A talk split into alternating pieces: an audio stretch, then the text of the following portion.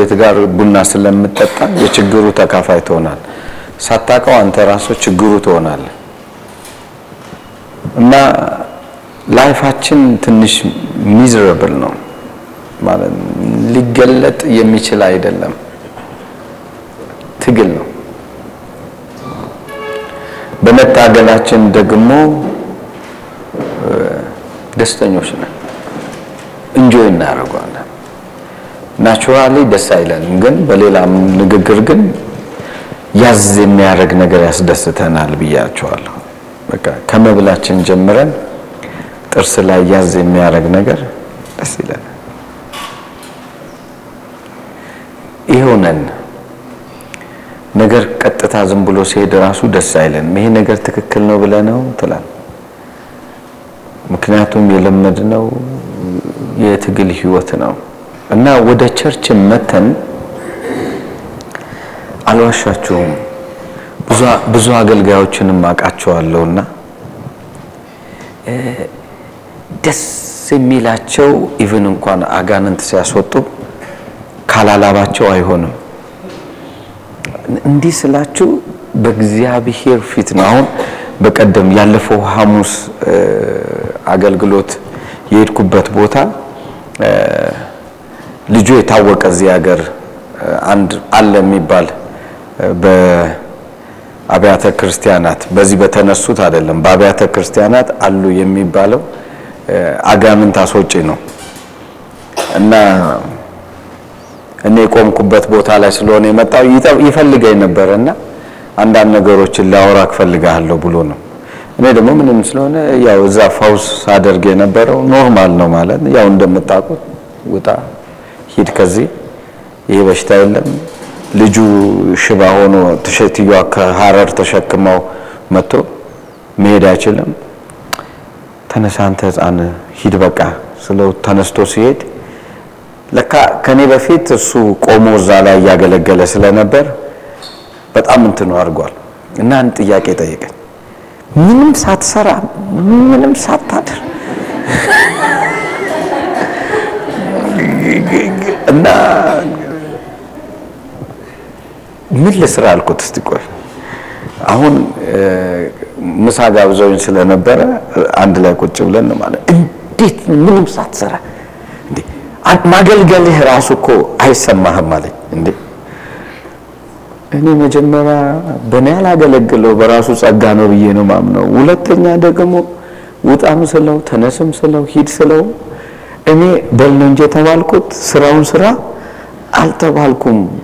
አንተ ጥሩ ኢትዮጵያዊ ነህ እለዋለሁ። ሞት ተበሳቀቀ። እንዴት ሲለኝ የቀረበው አጥንት እየጋጠ ነበረና አጋጣሚ ሆኖ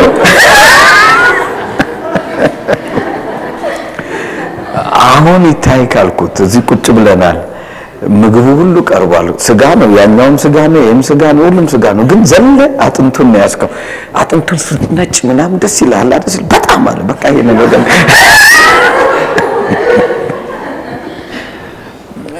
ትሩዝ ነው የማወራቸው ማለት ዊ ይሄ የራሳችንን ነገር መክተት ግን ቀለል ባለ መልክ የእግዚአብሔር መንገድ የሆነ እግዚአብሔርን መፍራት የሚል ትምህርት አለ።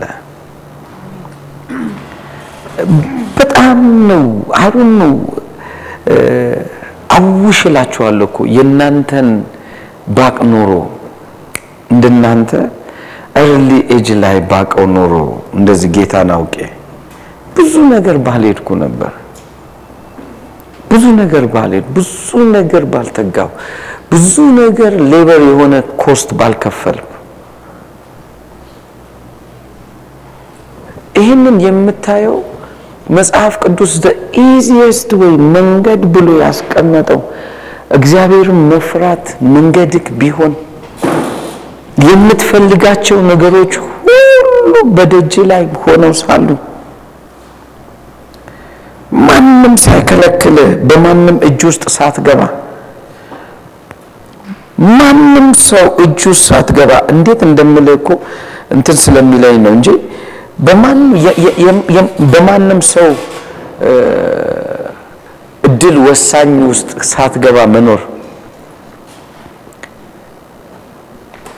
ማለት እንትና ምሕረት ቢያደርግልኝ ብለህ ወይ እንትና እንዲህ ቢያደርግልኝ ብለህ ወይም ከበደ አየለ ኦር በሰው ላይ በቤተሰብ ላይ በአካባቢ ላይ በመንግስት ላይ ሳትኖር እንዲሁ በነፃ የምትኖርበት መንገድ ኖሮ ከልቤ ነው ምላችሁ።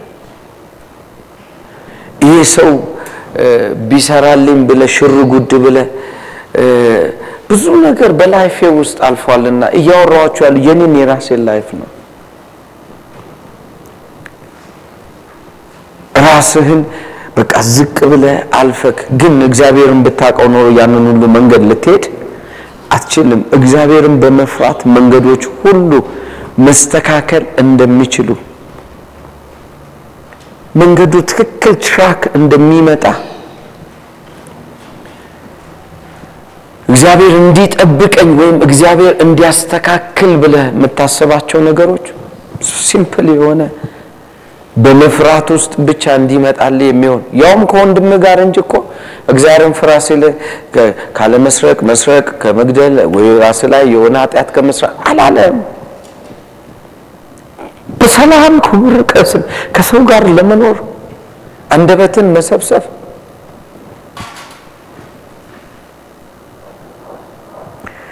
ይነ ብዙ ሰው የአእምሮ ሰላምን ነው የሚፈልገው።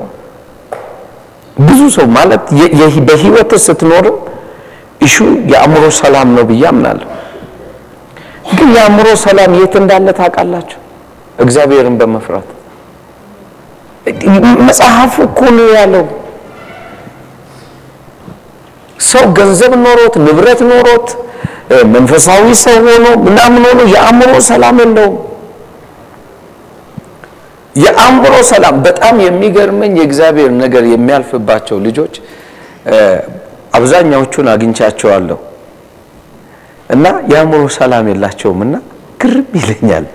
እናንተ ሰዎች ለምንድን ነው የአእምሮ ሰላም የሌላቸው? በሰው ላይ ክፉ ባትናገሩ እኮ የአእምሮ ሰላም እኮ ከእናንተ ጋር ነው። ወንድምን ብትወደው እኮ የአእምሮ ሰላም ካንተ ጋር ነው።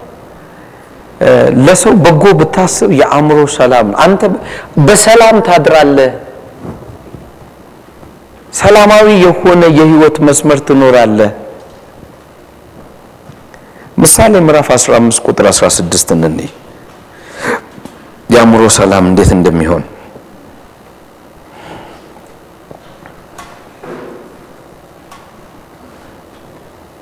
ምን እንደሚል እዩ። እግዚአብሔርን ከመፍራት ጋር ያለ ጥቂት ነገር ሁከት ካለበት ከብዙ መዝገብ ምን ይላል ይሻላል። በደንብ ይኸው እግዚአብሔርን ከመፍራት ጋር ያለ ጥቂት ነገር ሁከት ካለበት ከብዙ መዝገብ ምን ይላል ይሻላል። ስለዚህ ሁከት የሚሆን ነገር ውስጥ ለምን መግባት አስፈለገ?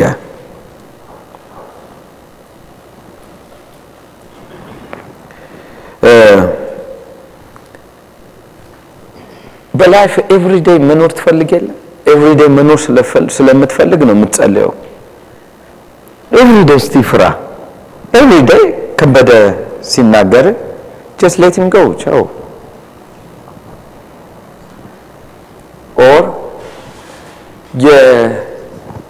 በህይወት ስትኖር መጨረሻ ተሸናፊ ሰው ሆነ ነው የምትኖረው። ማን ሁን ምን ሁን ጌታን አገኘክ ማለት ተሸናፊ ሆንክ ነው።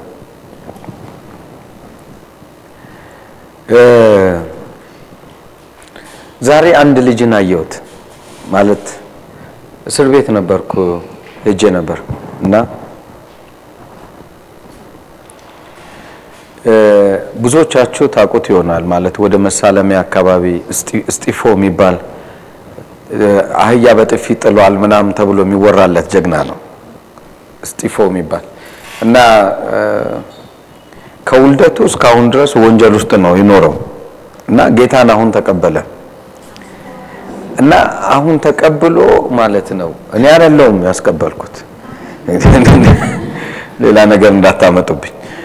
እኔ አይደለሁም ያስቀበልኩ፣ ግን ሌሎች የእግዚአብሔር ሰዎች ነግረውት ነው እና አሁን ሲያየኝ እሱ እንደ እኔ ስለ እሱ ዝና አውቃለሁ። እኔ ስለ እሱ ምክንያቱም መሳለሚያ ሰፈር ከዛ ድሮ ከኛ ሰፈር ጋር ይጣሉ ነበረ። ስለዚህ እሱ መጣ ማለት አገር ጥለ ነው የምጠፋው ማለት አገር ጥለ ማለት አገር ጥለ ዝም ብሎ ነው በቃ ሸዋሸዋ ነው የሚሰራክ ፊት ላይም ምንም ላይም እና የገባው ፈንጂ ይዞ ነው ማለት ፈንጂ ይዞ እህል በረንዳ አካባቢ ሰዎቹን ሁሉ አስነጥፏቸው። ማን ነው ጌታችሁ እስጢፎ ይሄ ከልብ ልንገር ፈንጂ ይዞ ይሄ ወታደር ምናምን ጠፍጥፎ ነው የሚለቀው። እና ፍርድ ቤት ያውም ጋዜጣ ላይ ወጥቷል። እኔ ስላልነበርኩ አላየውም እንጂ ጋዜጣ ላይ የወጣው ምንድን አሉ? ፈራጁ መንግስት ተከራካሪ አቁሞለት እሱ ቆሞ እንዳትናገር ሲለው ሰውየው እሺ ኧረ እኔ አልናገርም። ታስሮ እኮ ነው። እንዳትናገር ሲል አልናገርም እኔ የምፈልገው ምንም እስር ቤት ምናምን እያላችሁ አታውሩ። ሞት ዳኛ መፍረድ ትችላለህ ሞት። ሞት ፍረድብኝ። በቃ አለቀ። ዳኛው ደንግጦ እንዴ?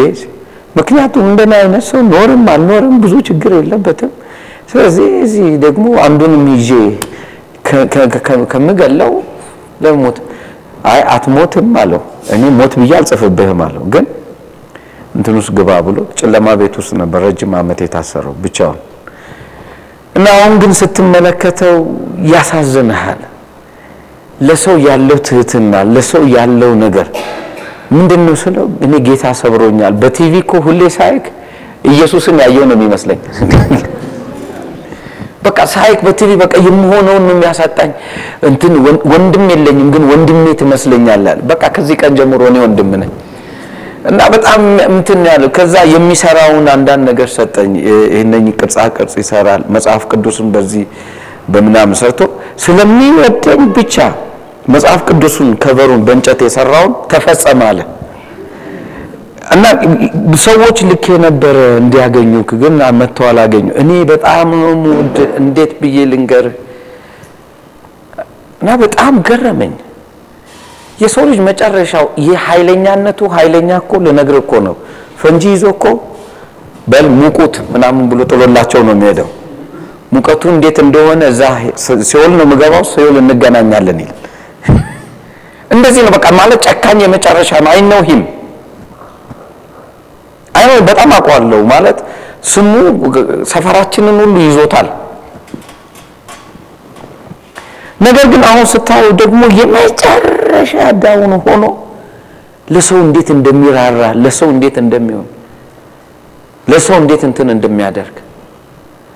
አየ ይህን ሁሉ መንገድ ተጉዘ ከዛ በኋላ አሁን ባነክ እንደዚህ ከምትሄድ ለካ የእግዚአብሔር መጨረሻው ሰውን እንኳን በፍቅር ሲነካው ምንድን ነው ለማን ነው የሚሆነው? ለሰው ነው። አንተ ይህን ሁሉ ገብተን ለምን ይሆናል? እዚሁ ለምን ለሰው አትሆንም?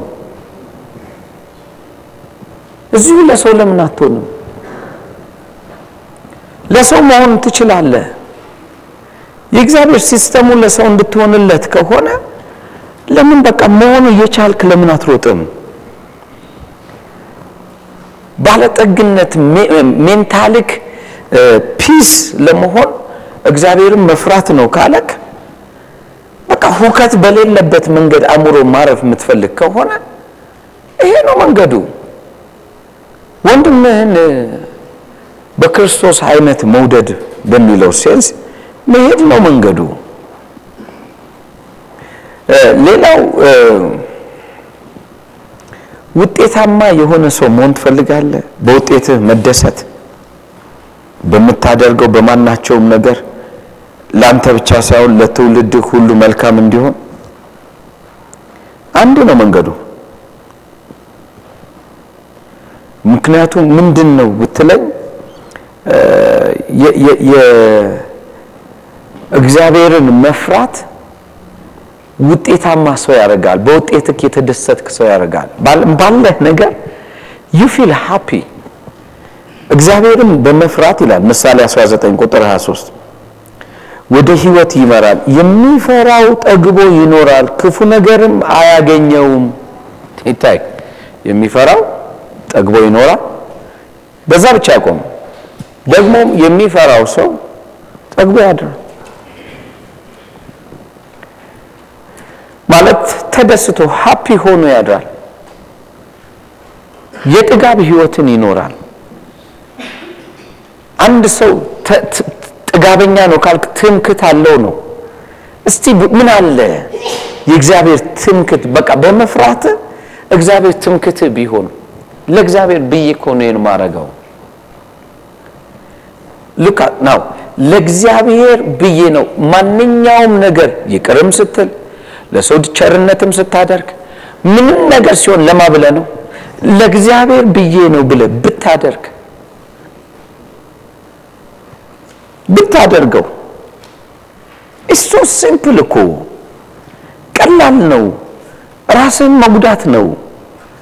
የሚጠቅምህን ነገር ከኔ ጥቅም የወንድሜ ይሻላል ብለህ መተው ነው።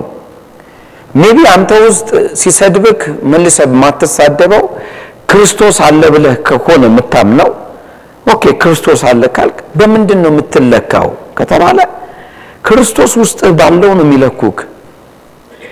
ክርስቶስ ውስጥ ባለው ነው የምትለኩት።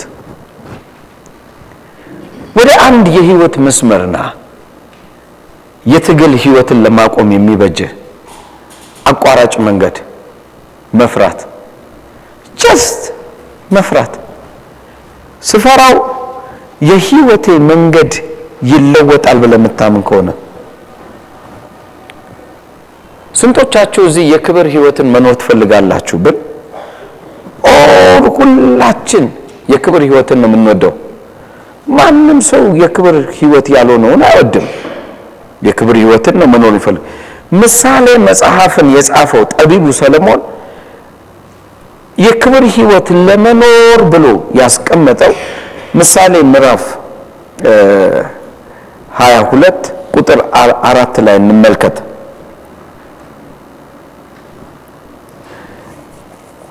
እስቲ ጮክ ብለን እናንብበው። ለሁላችን ስለሚጠቅም። አንድ ሶስት። ትህትናን ምንም ድጋሚ በሉ። ትህትናና እግዚአብሔርን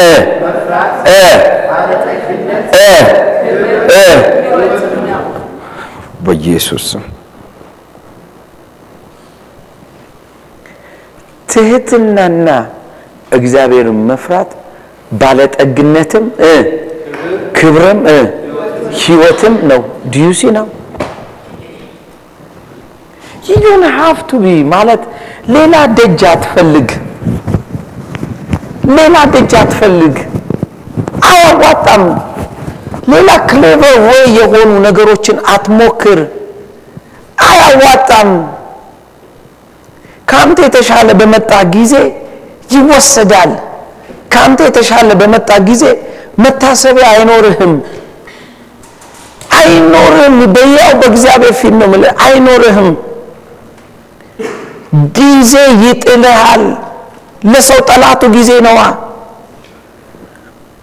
ለማንኛውም ሰው ጠላቱ ጊዜው ነው። ለማንኛውም ሰው ወዳጁም ጊዜው ነው። በጊዜ ግን ትህትናንና እግዚአብሔርን መፍራት ብታደርግ ብታደርግ ባለጠግነትና ክብርም ህይወትም ያገኘሃል። የስፒሪቹዋሉን ዓለም ተመልከተው። በጣም አንተ ክሌቨር ነኝ ብለህ ብታስብ ክሌቨሮች ያገኙሃል። ከአንተ የተሻሉ ጊዜ ያነሳቸዋሉ። ነግሬያቸዋለሁ። በጣም ማከብራቸው አሁን ወደ ጌታ ስለሄዱ የ father መስሪያ ቤት የነበሩ እትዬ ዘውዲቱ የሚባሉ አሉ እና ልጆቹን ነው ማውቃቸው እና በቃ እሳቸው የሚኒስተሩ ጸሐፊ ናቸው እና ይሄ ጥዝ እያለ የሚሄደው type ትዝ ይላቸዋል። አቤት አቤት ፍጥነታቸው ማለት አገር ሁሉ ያጨበጨበላቸው ናቸው። ጊዜ ግን መጣ። ይሄ ባለጌ እንትን መጣ። ኮምፒውተር ምን ይሆኑ ከአቅማቸው በላይ ሆኑ። stress ያዛቸው። ጨሉማ ጨዲ ብለው ሄዱ። ያለ እድሜያቸው ሄዱ። በጣም ወዳቸው በጣም በአንድ ዘመን እሳቸውን ለመውሰድ የማይፈልግ ሚኒስተር የለም። አእምሯቸውን በጣም ፈጣን ነው። አንድ idea ይሰጧቸው፣ በዛ idea ጽፈው ነው የሚሰጡት። የሚደንቀው ግን ዘመን መጣ፣ ጊዜ ጣላቸው። ሁሉን criticize ነው የሚያደርጉት፣ ሁሉን እንትን ነው የሚያደርጉት። አየ life ጊዜ ነው። ግን ጊዜን እግዚአብሔርን በመፍራት በትህትና ብታሳልፍ ባለጠግነት፣ ክብርም ህይወትም ካንተ ለዘላለም አይወሰድም። እየሰማችሁ ነው። ካንተም ለዘላለም ጊዜ አይለውጠውማ። ይሄንን የጊዜ ጌታ የሆነው ማን ነው ብትለኝ፣ ትህትናን እግዚአብሔርን መፍራት የጊዜ ጌታ ነው።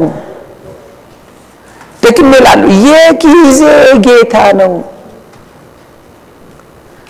ጊዜ የማይጥለው ሰው መሆን የምትፈልግ ከሆነ ይህ መንገዱ ነው። ጊዜ የማይጥለው ሰው ሆነ ማለፍ የምትፈልግ አይነት ሰው እግዚአብሔርን መፍራት ያዘው። ያንን ስትይዘው ነገር ሌላ ዓለም ነው የሚገባው። ሌላ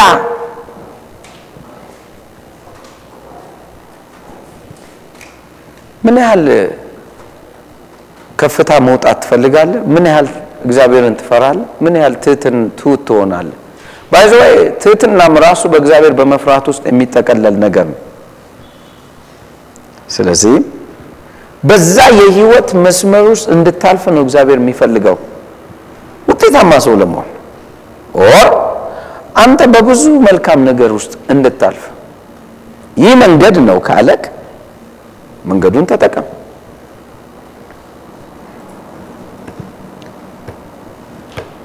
ይህ ሌላኛው ስንማር የተማርነው ነገር እግዚአብሔርን በመፍራት መንገድ መቅናት ነበር። መንገድህ የቀና እንዲሆን አሁን ነው ምን እንደምታስብ ማንም እዚህ ቤት ያለ ሰው መቼም እውነቱን እንነጋገር ካለን መንገዳችን እንዲቀና መሰለኝ እዚህ የተሰበሰብ ነው እንጂ የሆነ ስቶን እንደተቀመጠ ድንጋይ ድንጋይ አናት ላይ እያስቀመጥን የምንሄድ ሰዎች አይደለም። ወይም መንገዳችን ገደል እንዲሆን ብለን የተሰበሰብን አይደለም። ከብዙ ጸሎት ግን አንዷን ልምከርህ። ብዙ ተሯሩጠ ከምትሄድም ከምትለፋም ከምትደክምም እንደ አንድ በህይወት ስትኖር ሁለት ነገር እላለሁ እኔ የኔ ትምህርት ነው። እግዚአብሔርን መፍራትና ሞገስ that's all story። ሌላ ምንም የለም ምድር ላይ እንደ እኔ ትምህርት ስጠቀልለው እግዚአብሔርን መፍራትና ሞገስ፣ ከዛ ውጭ ምንም የለም። ሞገስ ካገኘ ቀላል ነው። ነገር ግን እግዚአብሔርን የሚፈራ ሰው በእግዚአብሔር ፊት ሞገስን ያገኛል ስለሚል ለካ አቋራጩ ለሞገሱ ማን ነው? እግዚአብሔርን መፍራት።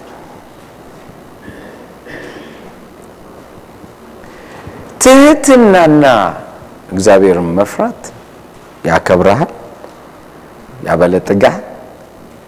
ሌላው መጽሐፍ ቅዱሱ እዚህ ጋር የሚነግረን ትልቅ ሌላኛው part አለ።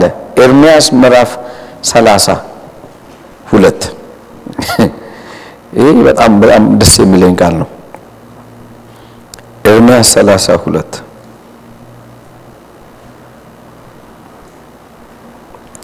ምን እንደሚል እንመልከት።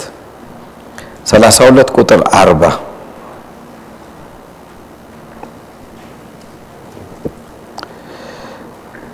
በጣም ደስ ይላል። አሁን ነው ሁላችን ብናነበው ጥሩ ነው። ለእነርሱም ከማደርገው ምን ምን አልልም። ድጋሚ በሉት እስቲ ድጋሚ ለእነርሱም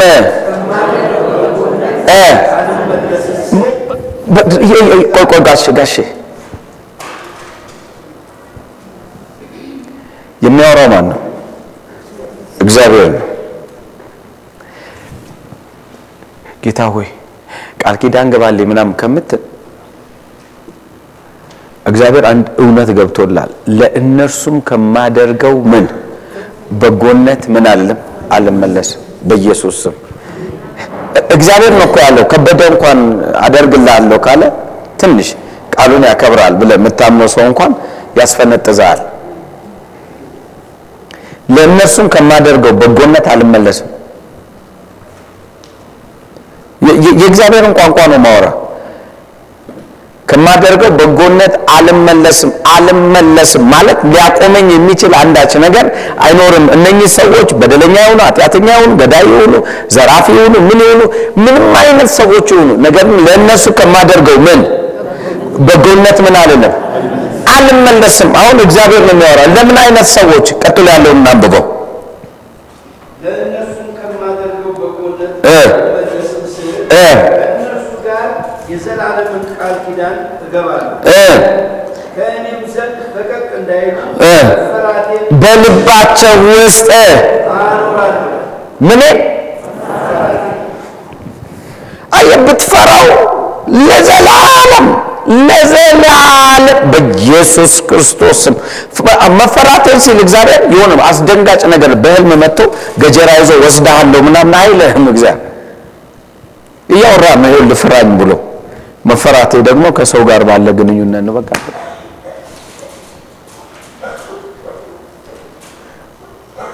ስንቶቻችሁ እናታችሁን ትፈራላችሁ? ግን ሁላችሁ ለምንድን ነው የምትፈራት? ጡንቻዋ ምናምን አይደል? እቺ ሴትዮ ጤና የላትም ምናምን ብለህ ትተዋለህ። የምታወራውን ነገር ታከብረዋለህ። የሚደንቀው ነገር ባላችሁ ወይም ጡንቻ ምናምን ከእናንተ በጣም ይበልጣል። ነገር ግን ቤት ውስጥ ስማ አንተ በጊዜ እንድትመጣ ስትል ሴትዮዋ በጊዜ ግባ ብላኛለች ብሎ ሰውየው ይመጣል። ስታየው ጡንቻ በጡንቻ ነው። በፈቃደኝነት ተገዝቶ ነው።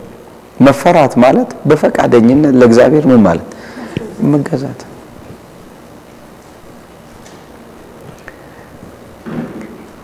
ድጋሚ ሌላችሁ። ለእነርሱም ከማደርገው በጎነት አልመለስም ስል እግዚአብሔር እግዚአብሔር! እኔ እንድትፈራ ስለምፈልግ ነው አሁን ማወራክ። ለምን? የሚቀጥለው ከእነርሱም ጋር የዘላለም ቃል አንድ ቃል እንዴ! ፌል ሳታረግ በህይወት እስከ መጨረሻው ጃጅተ እንኳን ብትኖር ጃጅተ እንደዚህ ዝዝዝ እያልክ እንኳን ሁሉን እየረሳ ብትኖር እንኳን ቸርነት ይደረግላል። አሉ ነው እንዴት እንደምታስብ። ጃጅተ በቃ የለም እኮ። እንኳን በህይወት እያለ መውደቅን። ሱሬን ሌላ ሰው እንኳን ቢያስታጥቅ መታጠቅ እንኳን ቢያቅትህ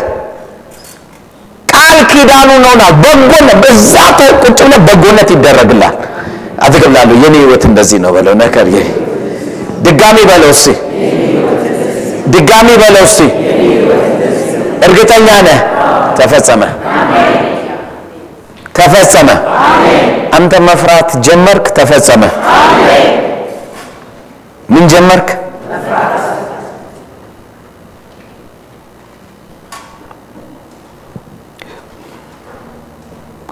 በጣም የሚደንቅ ደግሞ ከእግዚአብሔር ዘንድ ፈቀቅ ሳትል የምትኖረው በመፍራት ብቻ ነው። ስትፈራው ከእግዚአብሔር ዘንድ ፈቀቃት ምክንያት ትሆናለህ።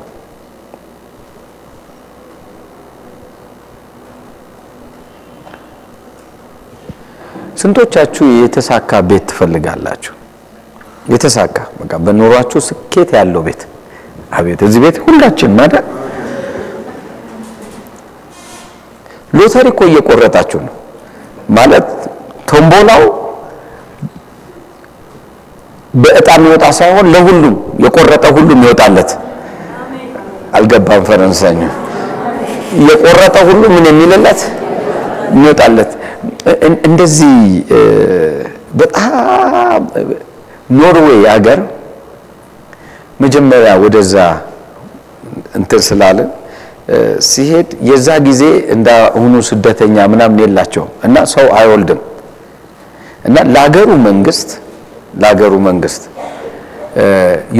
ስትወልድ ሀያ ሺህ ዶላር እና ቤት ሙሉ እቃ መንግስት ይሰጣል። እንኳን ወለድክ ሰው ስለማይወለድ እንኳን ወለድ። አሁን ይሄ ለነጩ ነው የተባለው፣ ግን አገሩ ላይ ለገባ ሰው በሙሉ ተባለ። ወንድሜ ይሄ ኤርትራዊና ኢትዮጵያዊ ረሸነው። በአመት ሁለቴ ብቻ ያደርገው ነበረ ሰው ሆኖ። ስለዚህ በሙሉ ተር ስትሄድ አንድ ቤት አራት ልጅ አምስት ልጅ ነው። ሁሉ አምስት ነው። እሱ ይሄ አራት ነው። ይሄ ሶስት ነው። ይሄ ሁለት ነው። ይሄ አንድ ነው። ሌላ እርጉዝ ናት። እና ገርሞኝ ነው ማየው እና ጂጂስ አንብሊቨብል ሎተሪ እኮ ነው ባይዘው ያንተ ልጅ አይደሉም። እነዚህ እሱ ገንዘብ ይሰጣሉ፣ የትምህርት ቤታ የሚበሉትን የሚጠጡትን። ከዚህ ውጭ ልቅ ስለተወለዱ ነው ቤትና እንትን የሚሰጠው እና ሱማሌው በአንዴ ከአንድ አይደለም ከአምስት ከሰባት ተረም በቃ ምንድን ነው ሲያው ወላሂ እግዚአብሔር እዚህ ምድር ያመጣን ሎተሪ አውጥቶልን ነው አለ። እኔ ደግሞ ይሁን እዚህ ሎተሪ ላውጣልን ለቤት እየሰማችሁ ነው። ሎተሪ በቃ ምክንያቱም ይሄ ሎተሪ እጣው ለሁሉም ሰው ለማን ለሁሉም ሰው በቃ ለሁሉም ሰው ዘጸአት ምዕራፍ አንድ ቁጥር 21 ለሁሉም ሰው በጌታ በኢየሱስም ዘጸአት ምዕራፍ አንድ።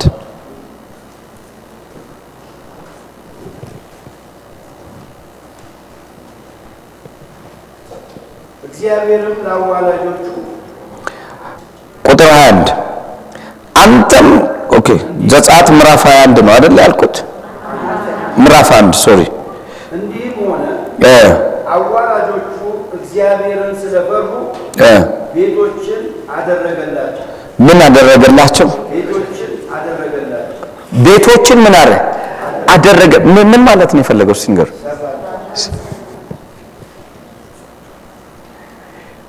የተበላሸ ኑሮ ያላቸው ሰው በሙሉ ምን ሆነ ቤቱ ተሳካላቸው ተሰራላቸው ቤት የሌላቸው ደግሞ ምን ሰራላቸው ቤት ሰራት ማለት በትዳራቸው በኑሯቸው ልጅ ለሌላቸው ልጆች አገኙ ሰላም ለሌላ ሰላም አገኙ። ጥራልኝ ምድር ላይ መልካም ነው የምትለው ነገር በሙሉ ምን አለ? አገኛቸው። ምናውያን ናቸው? ግብፃዊ ንጉሱ ህግ አውጥቷል። የንጉሱ ህግ ግደል ነው። እግዚአብሔርን ስለፈሩ ግን አልገደሉም አለ። ማን ስለፈሩ? ዕብራውያን ሰዎቹ ጥሩ ስለሆኑላቸው ነው ስለሚወዷቸው ነው። አይደለም። እግዚአብሔርን ስለፈሩ ቤቶቻቸው ተሰራ። ዲዲሲ ነው ብዙ ሰው ባሌ ሰው መሰለች ጭራቅ ነው። ሚስቴ ኧረ እባብ ናት። ምናምን እየተወከምን እግዚአብሔርን ብትፈራ ቤት ይሰራላል። በቃ that's whole the story ምንም እኮ አይደለም። እኔ ሰው ማንም አይፈልገኝም። እኔ ምናምን ምናምን እግዚአብሔርን ብትፈራ ቤት ይሰራልሃል ይሰራልሻል። ፔሪድ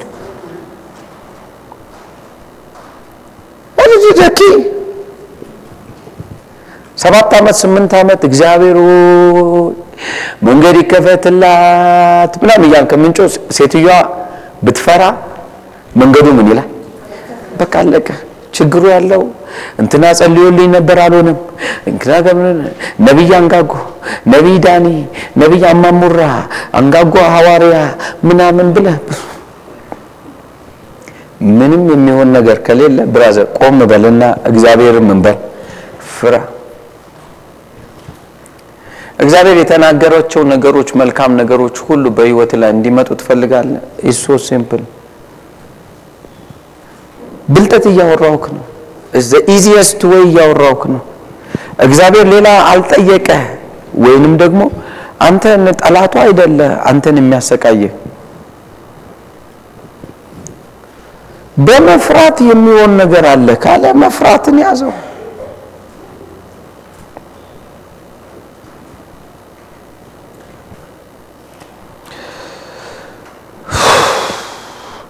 ስራህን መብላት ትፈልጋለህ? የምትሰራውን ስራ ትንሿን የምትሰራውን ስራ እንኳን በስቶ መብላት ትፈልጋል። ትንሿ በቃ ምንም መገለጥ የሌለው አወራሃል። ባይብሉ የሚያወራውን መዝሙር 128 መዝሙር 128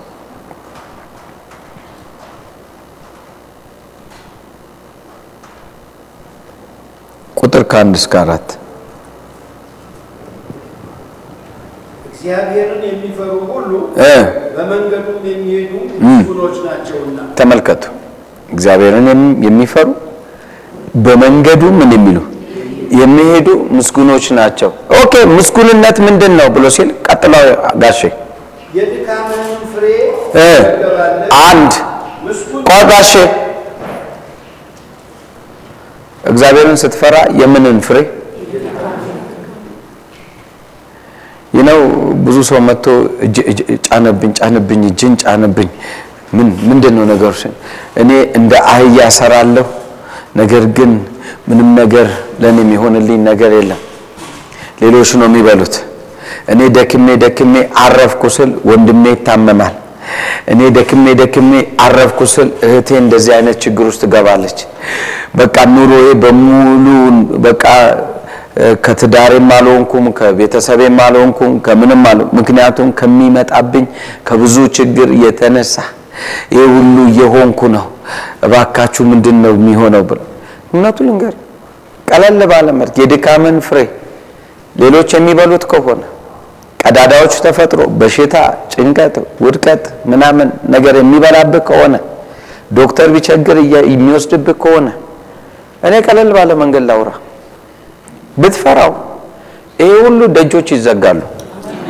እየሰማህ ነው? ይሄ ሁሉ ምን ደጆች ምን ይላሉ? ይዘጋል። ደጆቹ ይዘጋሉ። የድካምን ፍሬ ትበላለህ። እግዚአብሔርን የሚፈራ ሰው እንዲህ ይባረካል። ምን አይነት በረከት! የድካሙን ፍሬ ምን ይላል?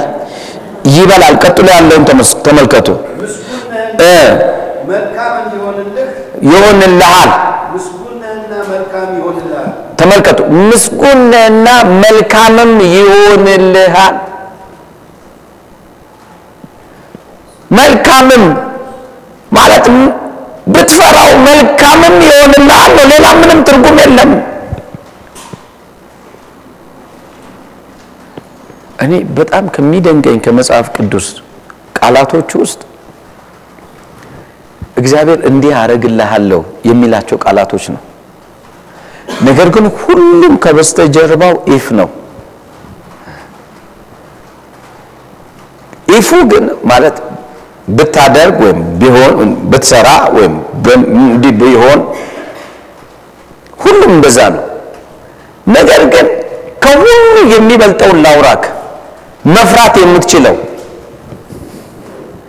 ሌላው ኢፍ ተብሎ የተሰጠ ካለ ትናንትና አንዳንድ ነገር አውርቻቸዋለሁ። በምድር ዘመን ስትኖር ከሚደንቅ ነገር የሰው ክፋት ነው። የደነቀህ ግን ስላላስተዋልክ ነው እንጂ ሰው በራሱ ምንድን ነው? ክፉ ነው። ልቡ ሀሳቡ ከሲኦል እንደሚጠልቅ ካወቅ በቂ ነው። በቃ አለቀ። የሰይጣን የመጨረሻው አቅሙና ኃይሉ የፈጠረው ነገር ቢኖር equalize ተደርጎ ማለት የእሳቱ ልክ ለኃጢአቱ ተብሎ ሲገባ የተሰራለት ሲኦል ነው።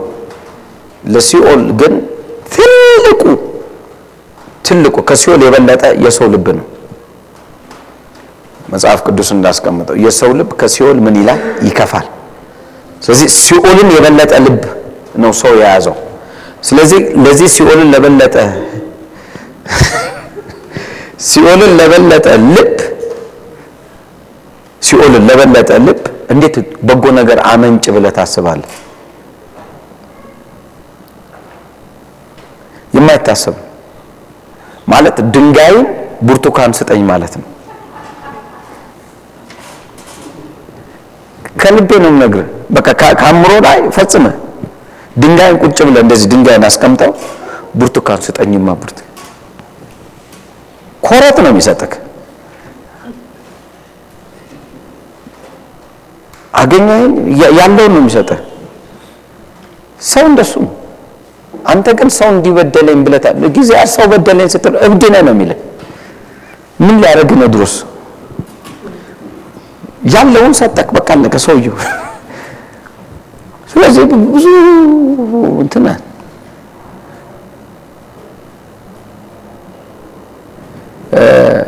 አንድ እውነት ይግባ።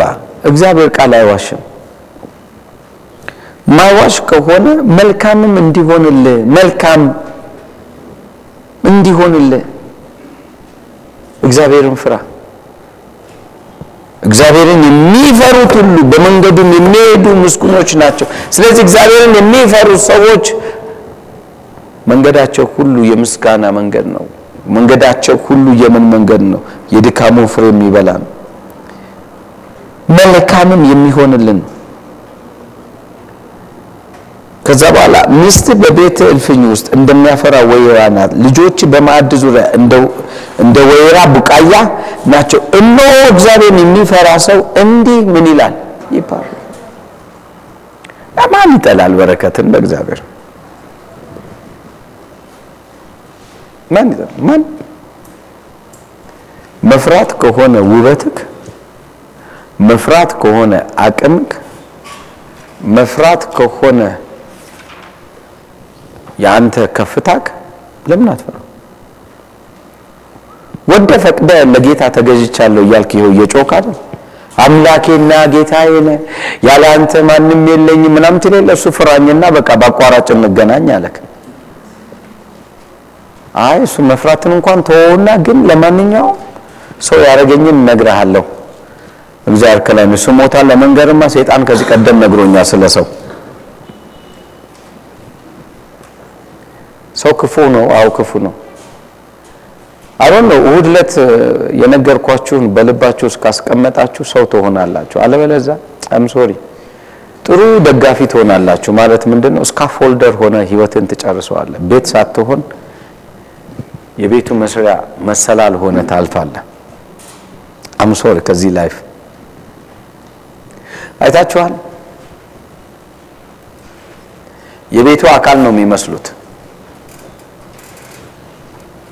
ቤቶች ሲሰሩ እንጨቶች እንደዚህ ማገር ነው አይደለም የሚባሉት፣ መወጣጫ ሆኖ አብረው ይሰራሉ።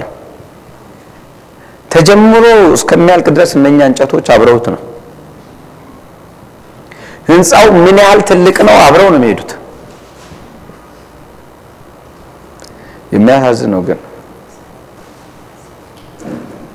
ቤቱ ተሰርቶ ሲያልቅ እነሱ የግድ መነሳት ምን ይጠቅማል? ለሌሎች ጳውሎስ እንዳለ ለሌሎች ሰብኬ እኔ የተጣልኩ በሆናል። አሮን ነው በህይወት ምን እንደምታስብ ለሰዎች ብዙ ክርስቶስን አውርተ ብዙ ምናምን አውርተ አንተ ባለመፍራት ኖረ ኖረ ኖረ እላይ ስትሄድ እኔ እነግርሃለሁ ጌታን አውቀዋለሁ እወደዋለሁ አምላኬ ነው ምናምን ነው ብትለኝ ወደ ግራ ከሚሉት ጋር ልትሆን ትችላለህ። ምክንያቱም ልክ ኢየሱስ ጋር ስንመጣ ያመነ በሚለው ብቻ አልቆመም። ሴጣንም ካንተ የበለጠ እንደሚያምን እወቅ። እንደውም አንተ ትጠራጠራለህ። በድንግዝግዝ ነው እግዚአብሔር የምታውቀው። እሱ ክሊር እግዚአብሔርን ያውቀዋል። መለኪያክ እስር ቤት ነው። እስር ቤት ሄዳችኋል አለ። በታሰርኩ ጊዜ ጠይቃችኋል? ኧረ አልጠየቅንም። number X የተራቡትን አብልታችኋል ሲል ጌታ ይስጣቸው ብዬ ባርኪያቸዋለሁ። number two የተጠማ ሰው አይተ የተጠማውን ሰው አጠጥተዋል? no no no no no። ይገርማል። ሰው ሁሉ ሌባ ነው፣ አጭበርባሪ ነው። number three አላቃችሁም እንዴ ጌታ ሆይ እዛ ያው ተስፋ እኮ በአንደኛ ሁኔታ ሯሯጥ ነበር። ኧረ እባክህ እንደውም usher ነበርኩ፣ ኳየር ነበርኩ፣ ጸሎት ግሩፕ ነቅናቂው በአንደኛ ሁኔታ አስተባባሪ ነበርኩ። እረበጃ ጋር ዱዱዱ ነበርኩ ነበርኩ እዛው ሲቃጠል እዛው እስከነስሙ አብረህ ትቃጠላታለህ ብሎ ይልክ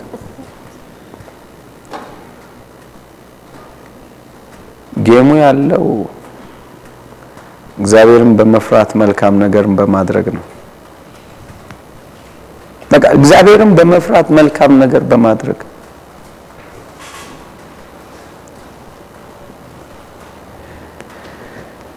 ወሳኙ አንተ ነህ።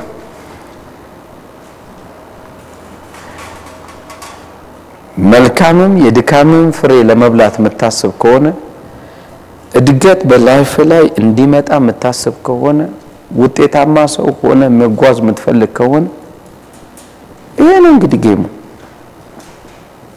ሌላ game የለው። አቋራጭ ቀለል ባለ መልክ ግን ዋጋ ያስከፍላል። ደግሜ እላለሁ፣ ዋጋ ያስከፍላል፣ ያስለቅሳል፣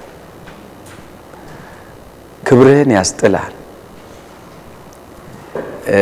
የማንነትህን አንጠፍጥፎ ያወጣልሃል። አንጠፍጥፎ ደግሞ እንድትሰማ ያደርግሃል። ውይ እንደ እግዚአብሔር ጨካኝ የለም ብራዘር። ሲያስወጣልክ አይተሃል። ብርቱካን ሲጨመቅ ይሄ አዲሱ መጭመቂያ አይደለም ማውራ። ድሮ አንድ የሆነ ሆዳም የሆነ ነገር እንትን ነበረ እንደዚህ መጭመቂያው በዚህ በብረት የሚሰራ ነው። ኢትዮ ብረታ ብረት ነበር የሚሰራው። ክብደቱ ክብደት ነው። ብርቱካንን አስበው ይቆረጥና ይገባል። የዛ ጊዜ ደግሞ እኔ እኔ I don't know ምን አይነት ጭካኔ እንዳለ አይታወቅም። እስኪደፈጠጥ ነው።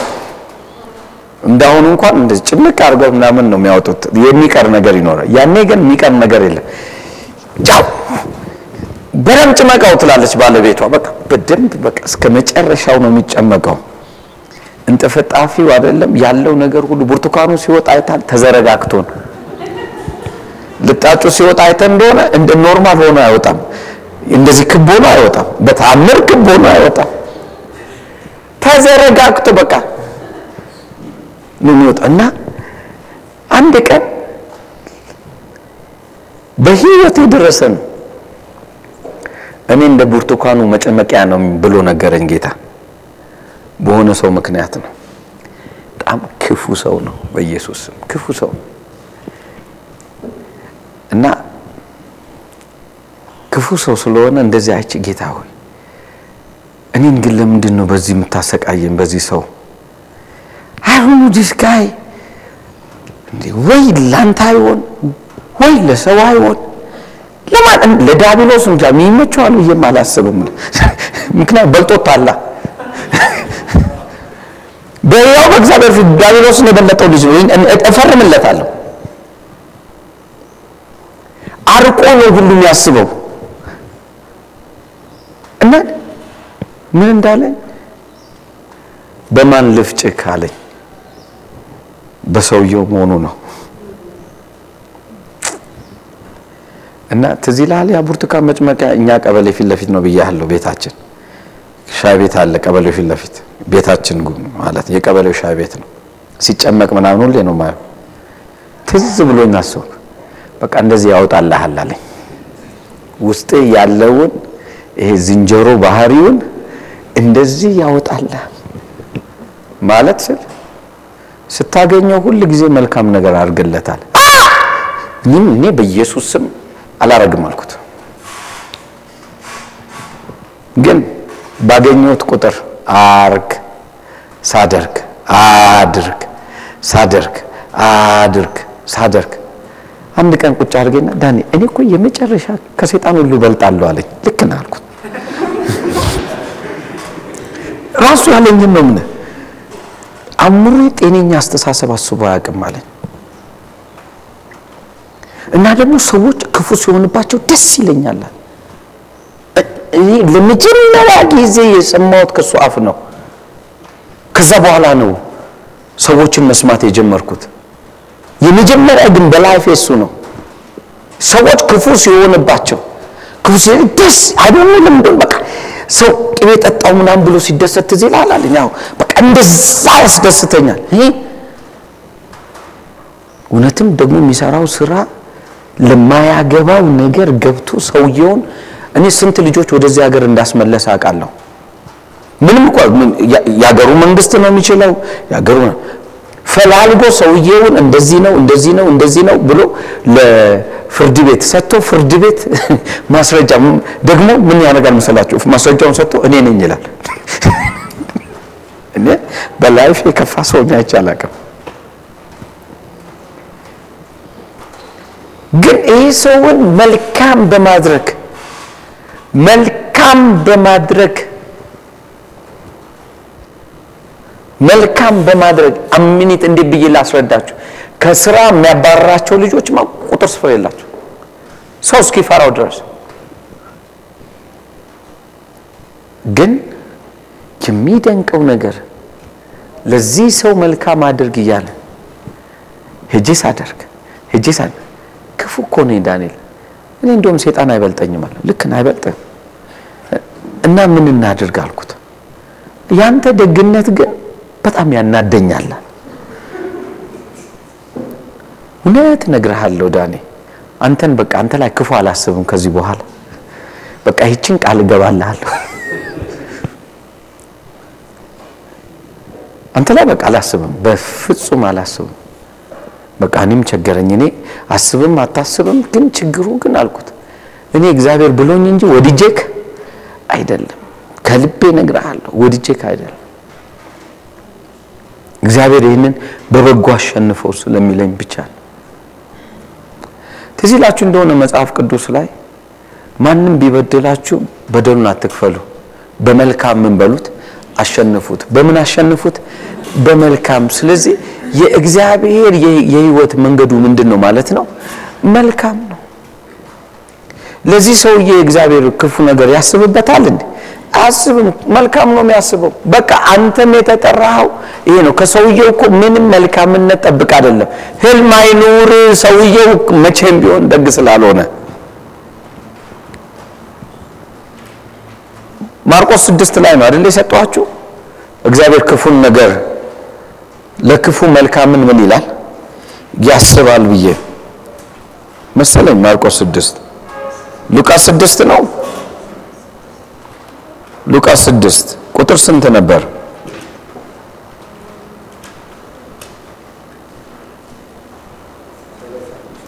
ሰላሳ ነገር ግን ጠላቶቻችሁን ውደዱ፣ መልካምም አድርጉ፣ ምንም ተስፋ ሳታደርጉ አበድሩ፣ ዋጋችሁ ታላቅ ይሆናልና ልጆች ትሆናላችሁ። እሱ ለማያመሰግኑ እ ክፉዎች ቸር ነውና። ተመልከቱ። ድጋሚ ላንብብላችሁ። ነገር ግን ጠላቶቻችሁን ውደዱ፣ መልካምም አድርጉ። ያናዳል። አሁን ሉቃስ ምዕራፍ 6 ቁጥር 35 ነው። ነገር ግን ጠላቶቻችሁን ውደዱ፣ መልካምም አድርጉ፣ ምንም ተስፋ ሳታደርጉም ምን በሉ አበድሩ፣ ዋጋችሁ ታላቅ ይሆናል፣ የልዑልም ልጆች ትሆናላችሁ። ቀጥሎስ እርሱ ለማያመሰግኑ ማን? አምላካችሁ እርሱ ለማያመሰግኑ ዲድ ብሊቭ ምስጋና ለሌላቸው ሰዎች። ለማያመሰግኑ ለክፎችም ምንድን ነው ቸር ነውና። ይህንን ነው ውደድ የተባልከው። ይህን ይህንን ነው። በቃ አለቀ። አያመሰግኑም ክፎች ናቸው። እግዚአብሔርን እንድትፈራ ብዬ በጣም እየገፋውክ ነው። ግን ለክፎች ነው።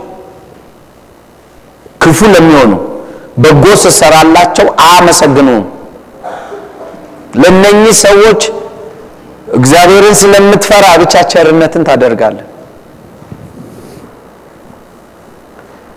እግዚአብሔርን ስለምትፈራ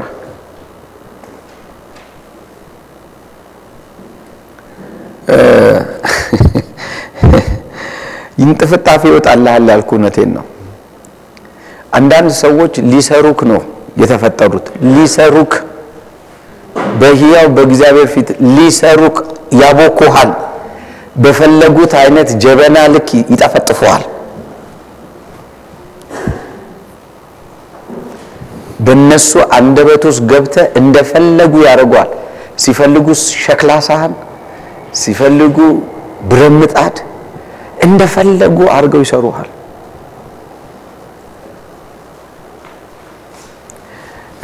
አንድ በ life ያለፈ ልንገራችሁ። እዚህ ምድር እያለን እንተዋወቃለን። የ sister በጣም close ናት፣ ትልቅ ናት። ከ sister ም close ናት እና ከእሷ ጋር እኔ ደግሞ ገንዘብ ስለነበረኝ ለእነሱ መልካም ከሚያደርጉ ሰዎች አንዱ ነኝ። ማለት እህቴንም ጨምሮ ለእሷም መልካም አድርግ መልካም ማድረግ አሮ ነው some reason ልጆኝም ገንዘብ ነበረኝ። ከዛ እንግሊዝ ሀገር መታ እኛ ቸርች ናት። በቃ ሰላም ነው። አንድ ቀን ስብሰባ ብላ ጠራች፣ አስተባብራ ምናምን። እኔ ደግሞ ሀገር ሰላም ነው። አንደኛ ልጅ ነህ ልክ ነሽ አንቺ ታላቄ ነሽ፣ እውነት ነው። ሁለተኛ ለእኔ ፓስተሬ ልትሆን አትችልም። ሶስተኛ ብቃት የለህም። አራተኛ አትመጥነኝም። አምስተኛ ቸርቹ ከዚህ በኋላ ካንተ ጋር አይደለም። ይታያችሁ ወደዛ ምድር ከመጣች በኋላ ብዙ መልካም ነገር ያደረገላት ሰው ምድር ላይ ቢጠራ በዛን ጊዜ number one አግብታ ነው የመጣችው። አግብታ ስትመጣ በመጣች ጊዜ ከመች እኔ ማለት ደግነት ማውራት ጥሩ አይደለም፣ ግን ለትምህርታችሁ ስለሚሆን ይህንንም እሷም ትሰማዋለች። ከልቤ ነግራችኋለሁ። በጎነት በሙሉ የሚባለውን ነገር ምድር ላይ ያውም ስንት ኪሎ ሜትር ነው? more than ወደ መቶ ምናምን ኪሎ ሜትር እየሄድኩ ነው ማደርገው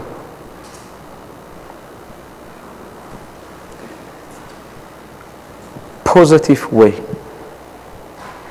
የእህቴ ጓደኛ ናት በሚል ንግግሯ ግን በጣም የሚደንቅ ነው። አውስ ሉካስ የጌታ መንፈስ ምን አለ? እኔ ስለምወዳት ክፉ እንዳታደርግ በጎ ነገር አድርግ። እንዲህ እኮ ነው ያለች። አንተ አይደለ እንዴ እኔን የጠራኸኝ? አንተ አይደለ እንዴ አንተ አይደለ እንዴ አንተ አይደለ እንዴ አንተ አይደለ አይደለሁም አልኩህ። በቃ መልካም አድርግ። አታሳሹኝ። በዛ ጊዜ ተንጨረጨርኩ። ህይወት ከልቤ ልንገራችሁ፣ ሰዎችን ነው የሚሰጣችሁ የሚያሻዋችሁ እግዚአብሔርን መፍራት የሚያስለምዷችሁ ሰዎች ናቸው። የሚመስልህ መልካም ሰው መጥቶ እግዚአብሔርን መፍራት እኮ ማለት እያለ የሚያስተምር ሰው ልክ እንደኔ ቆሞ ማዜ ነጋ አጠብቅ። አውሬ አውሬ የሆኑ ሰዎች ይመጡልሃል። እነሱን እንዴት ነው የምታስተናግደው? በረከቱ እዛ ውስጥ ነው ያለው። ዛሬ ስጠቀልልልን ማወራለህ ይሄንን ነው። እነኚህ ቡጅምቡራ የሆኑ ሰዎች ወደ life ህ ይመጣሉ። እግዚአብሔርን በመፍራት ክፋትን ሳታደርግ እንዴት ማስመለጥ ራስህ ነው። that's all የሚመስልህ ነገር እንዲሁ አልጋ ባልጋ የምትሄድበት ይመስል no no no ያልጠበካቸው የገዛ ዘመዶችን ሊሆኑ ይችላሉ፣ ቤተሰብ ሊሆን ይችላል፣ የቅርብ ወዳጅ ሊሆን ይችላል፣ ዋሬቨር ሊሆን ይችላል። ይመጣብልሃል። ደግሞ እስከ ዕለተ ፍጻሜ እስከ ሞት ድረስ አይቋረጥም። ይመጣልሃል። በሽ ናቸው በሽ አንዳንድ ጊዜ ግርም ይለኛል። መቼ ይሆን የሚያቆመው ብዬ ማቆሚያም የለውም። ግን ከፍታክ እየጨመረ ይሄዳል። ዛሬ ስትጀምረው ጥቂት ነው። አንደኛውን ስታልፍ ሌላ እርከን ይሰጣል። እንደ ድሮም እንደ ልጅነት አትጎዳም። እያደክም ግን ምንም አይመስልም። በቀደም ለአንድ ሰው ስለ አንድ ሰው አንስቶ ሲያወራልኝ እንዶ በጣም ምናምን ሲያወራ ተው እኔን ያረገኝን ላውራክ እና ከዛ በኋላ አልኩት። እሱ ያረገን በቃ ትተዋዋለህ እኔን ያረገኝን ላ እስከ ዛሬ ምንም ነገር ስለ እሱ ሳወራክ አውርታኝ አታውቅም አለ። አዎ አውርቼ ካላውቅም። never ምክንያቱም አይጠቅምም። አሁን ግን ፊት ተቀያይሮ ስለምታወራ እኔን ያረገኝን ሳወራክ የዛ ጊዜ ትረግባለህ ብዬ ነው ማወራክ ለትምህርትክ እንዲሆን። አንተ ደግሞ ታላቅ የእግዚአብሔር ሰው ስለምትሆን እችኛዋ አንዷ ናት መውደድ የሚባለው ነገር ለአንተ ብዬ አወራሁት። እንዴት ከዚህ ምድር መውጣት አለብህ ብለው ውሳኔ ሰጥቶ እንዴት ተዝናንቶ እንዳወራብኝ ምናምን ነገርኩት። ማን ነው አለ። ማን ስለሆነ ተንተከተከ። በቃ ነው ታሪኩ። አንተ እንዲህ ያለኝ ብላ አይደለ? እኔን እኮ እንደዚህ በዚህ በዚህ በዚህ ብዬ ባወራክማ ብዙ ነው ግን አንዱ ግን የመጨረሻው ይሄን ያህል ሰው ቀጥሮ ይሄን ያህል ለማድረግ ደነገጠ። አስትሩ ጌሙ ያለው ለነኛ አይነት ሰዎችም ምን ማድረግ ነው በጎ። ለዚህ ሰው ለምሳሌ ሶስት አራት ጊዜ የሆነ ቦታ ሳገኘው ከሰዎች ጋር ከልጆቹና ከሚስቱ ጋር ምናምን ሳይሆን እንደዚህ ብዬ ተከፍሏ ብዬ ከፍየለን ነው የምወጣው። መከፈል አይደለም እንደ ሰውኛ በአውቶቢስ ተራ ቦክስም ያንሰዋል።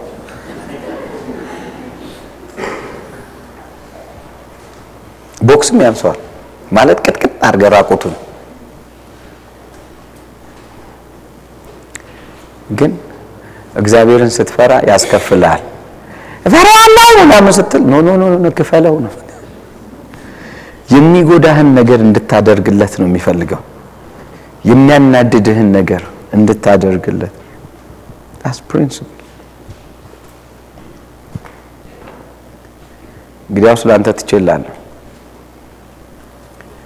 ዘመንህ ረጅም ጉዞ መጓዝ የምትፈልጉ ሰዎች የእጃችሁም ስራ ቤታችሁም ኑሯችሁም ሁሉም እንዲሰራ የምትፈልጉ ሰዎች ምንም ሌላ ልላችሁ ብልጥ ሁኑ። እነኚህ መዶሻ ይዘው የሚመጡ ሰዎች አሉ። ኦፕን ሁኑ። አትጎዱ። ሊመስላችሁ ይችላል ያጣችሁ፣ ነገር ግን የእግዚአብሔር ክብር ይበልጣል ሰው ከሚያከብራችሁ። ማንም አብሯችሁ ቆሞ ሆ ቢል አይምሰልም። እግዚአብሔር ድምፁ ብቻ ካንተ ጋር ይሁን። ከፍታክ በዛው ስለሆነ እኔ ከእግዚአብሔር ወገን ነኝ፣ እግዚአብሔርም ከኔ ጋር ነው። የብዙ ከፍታ ህይወት አለኝ፣ እሱም ተገለጠ። አሜን።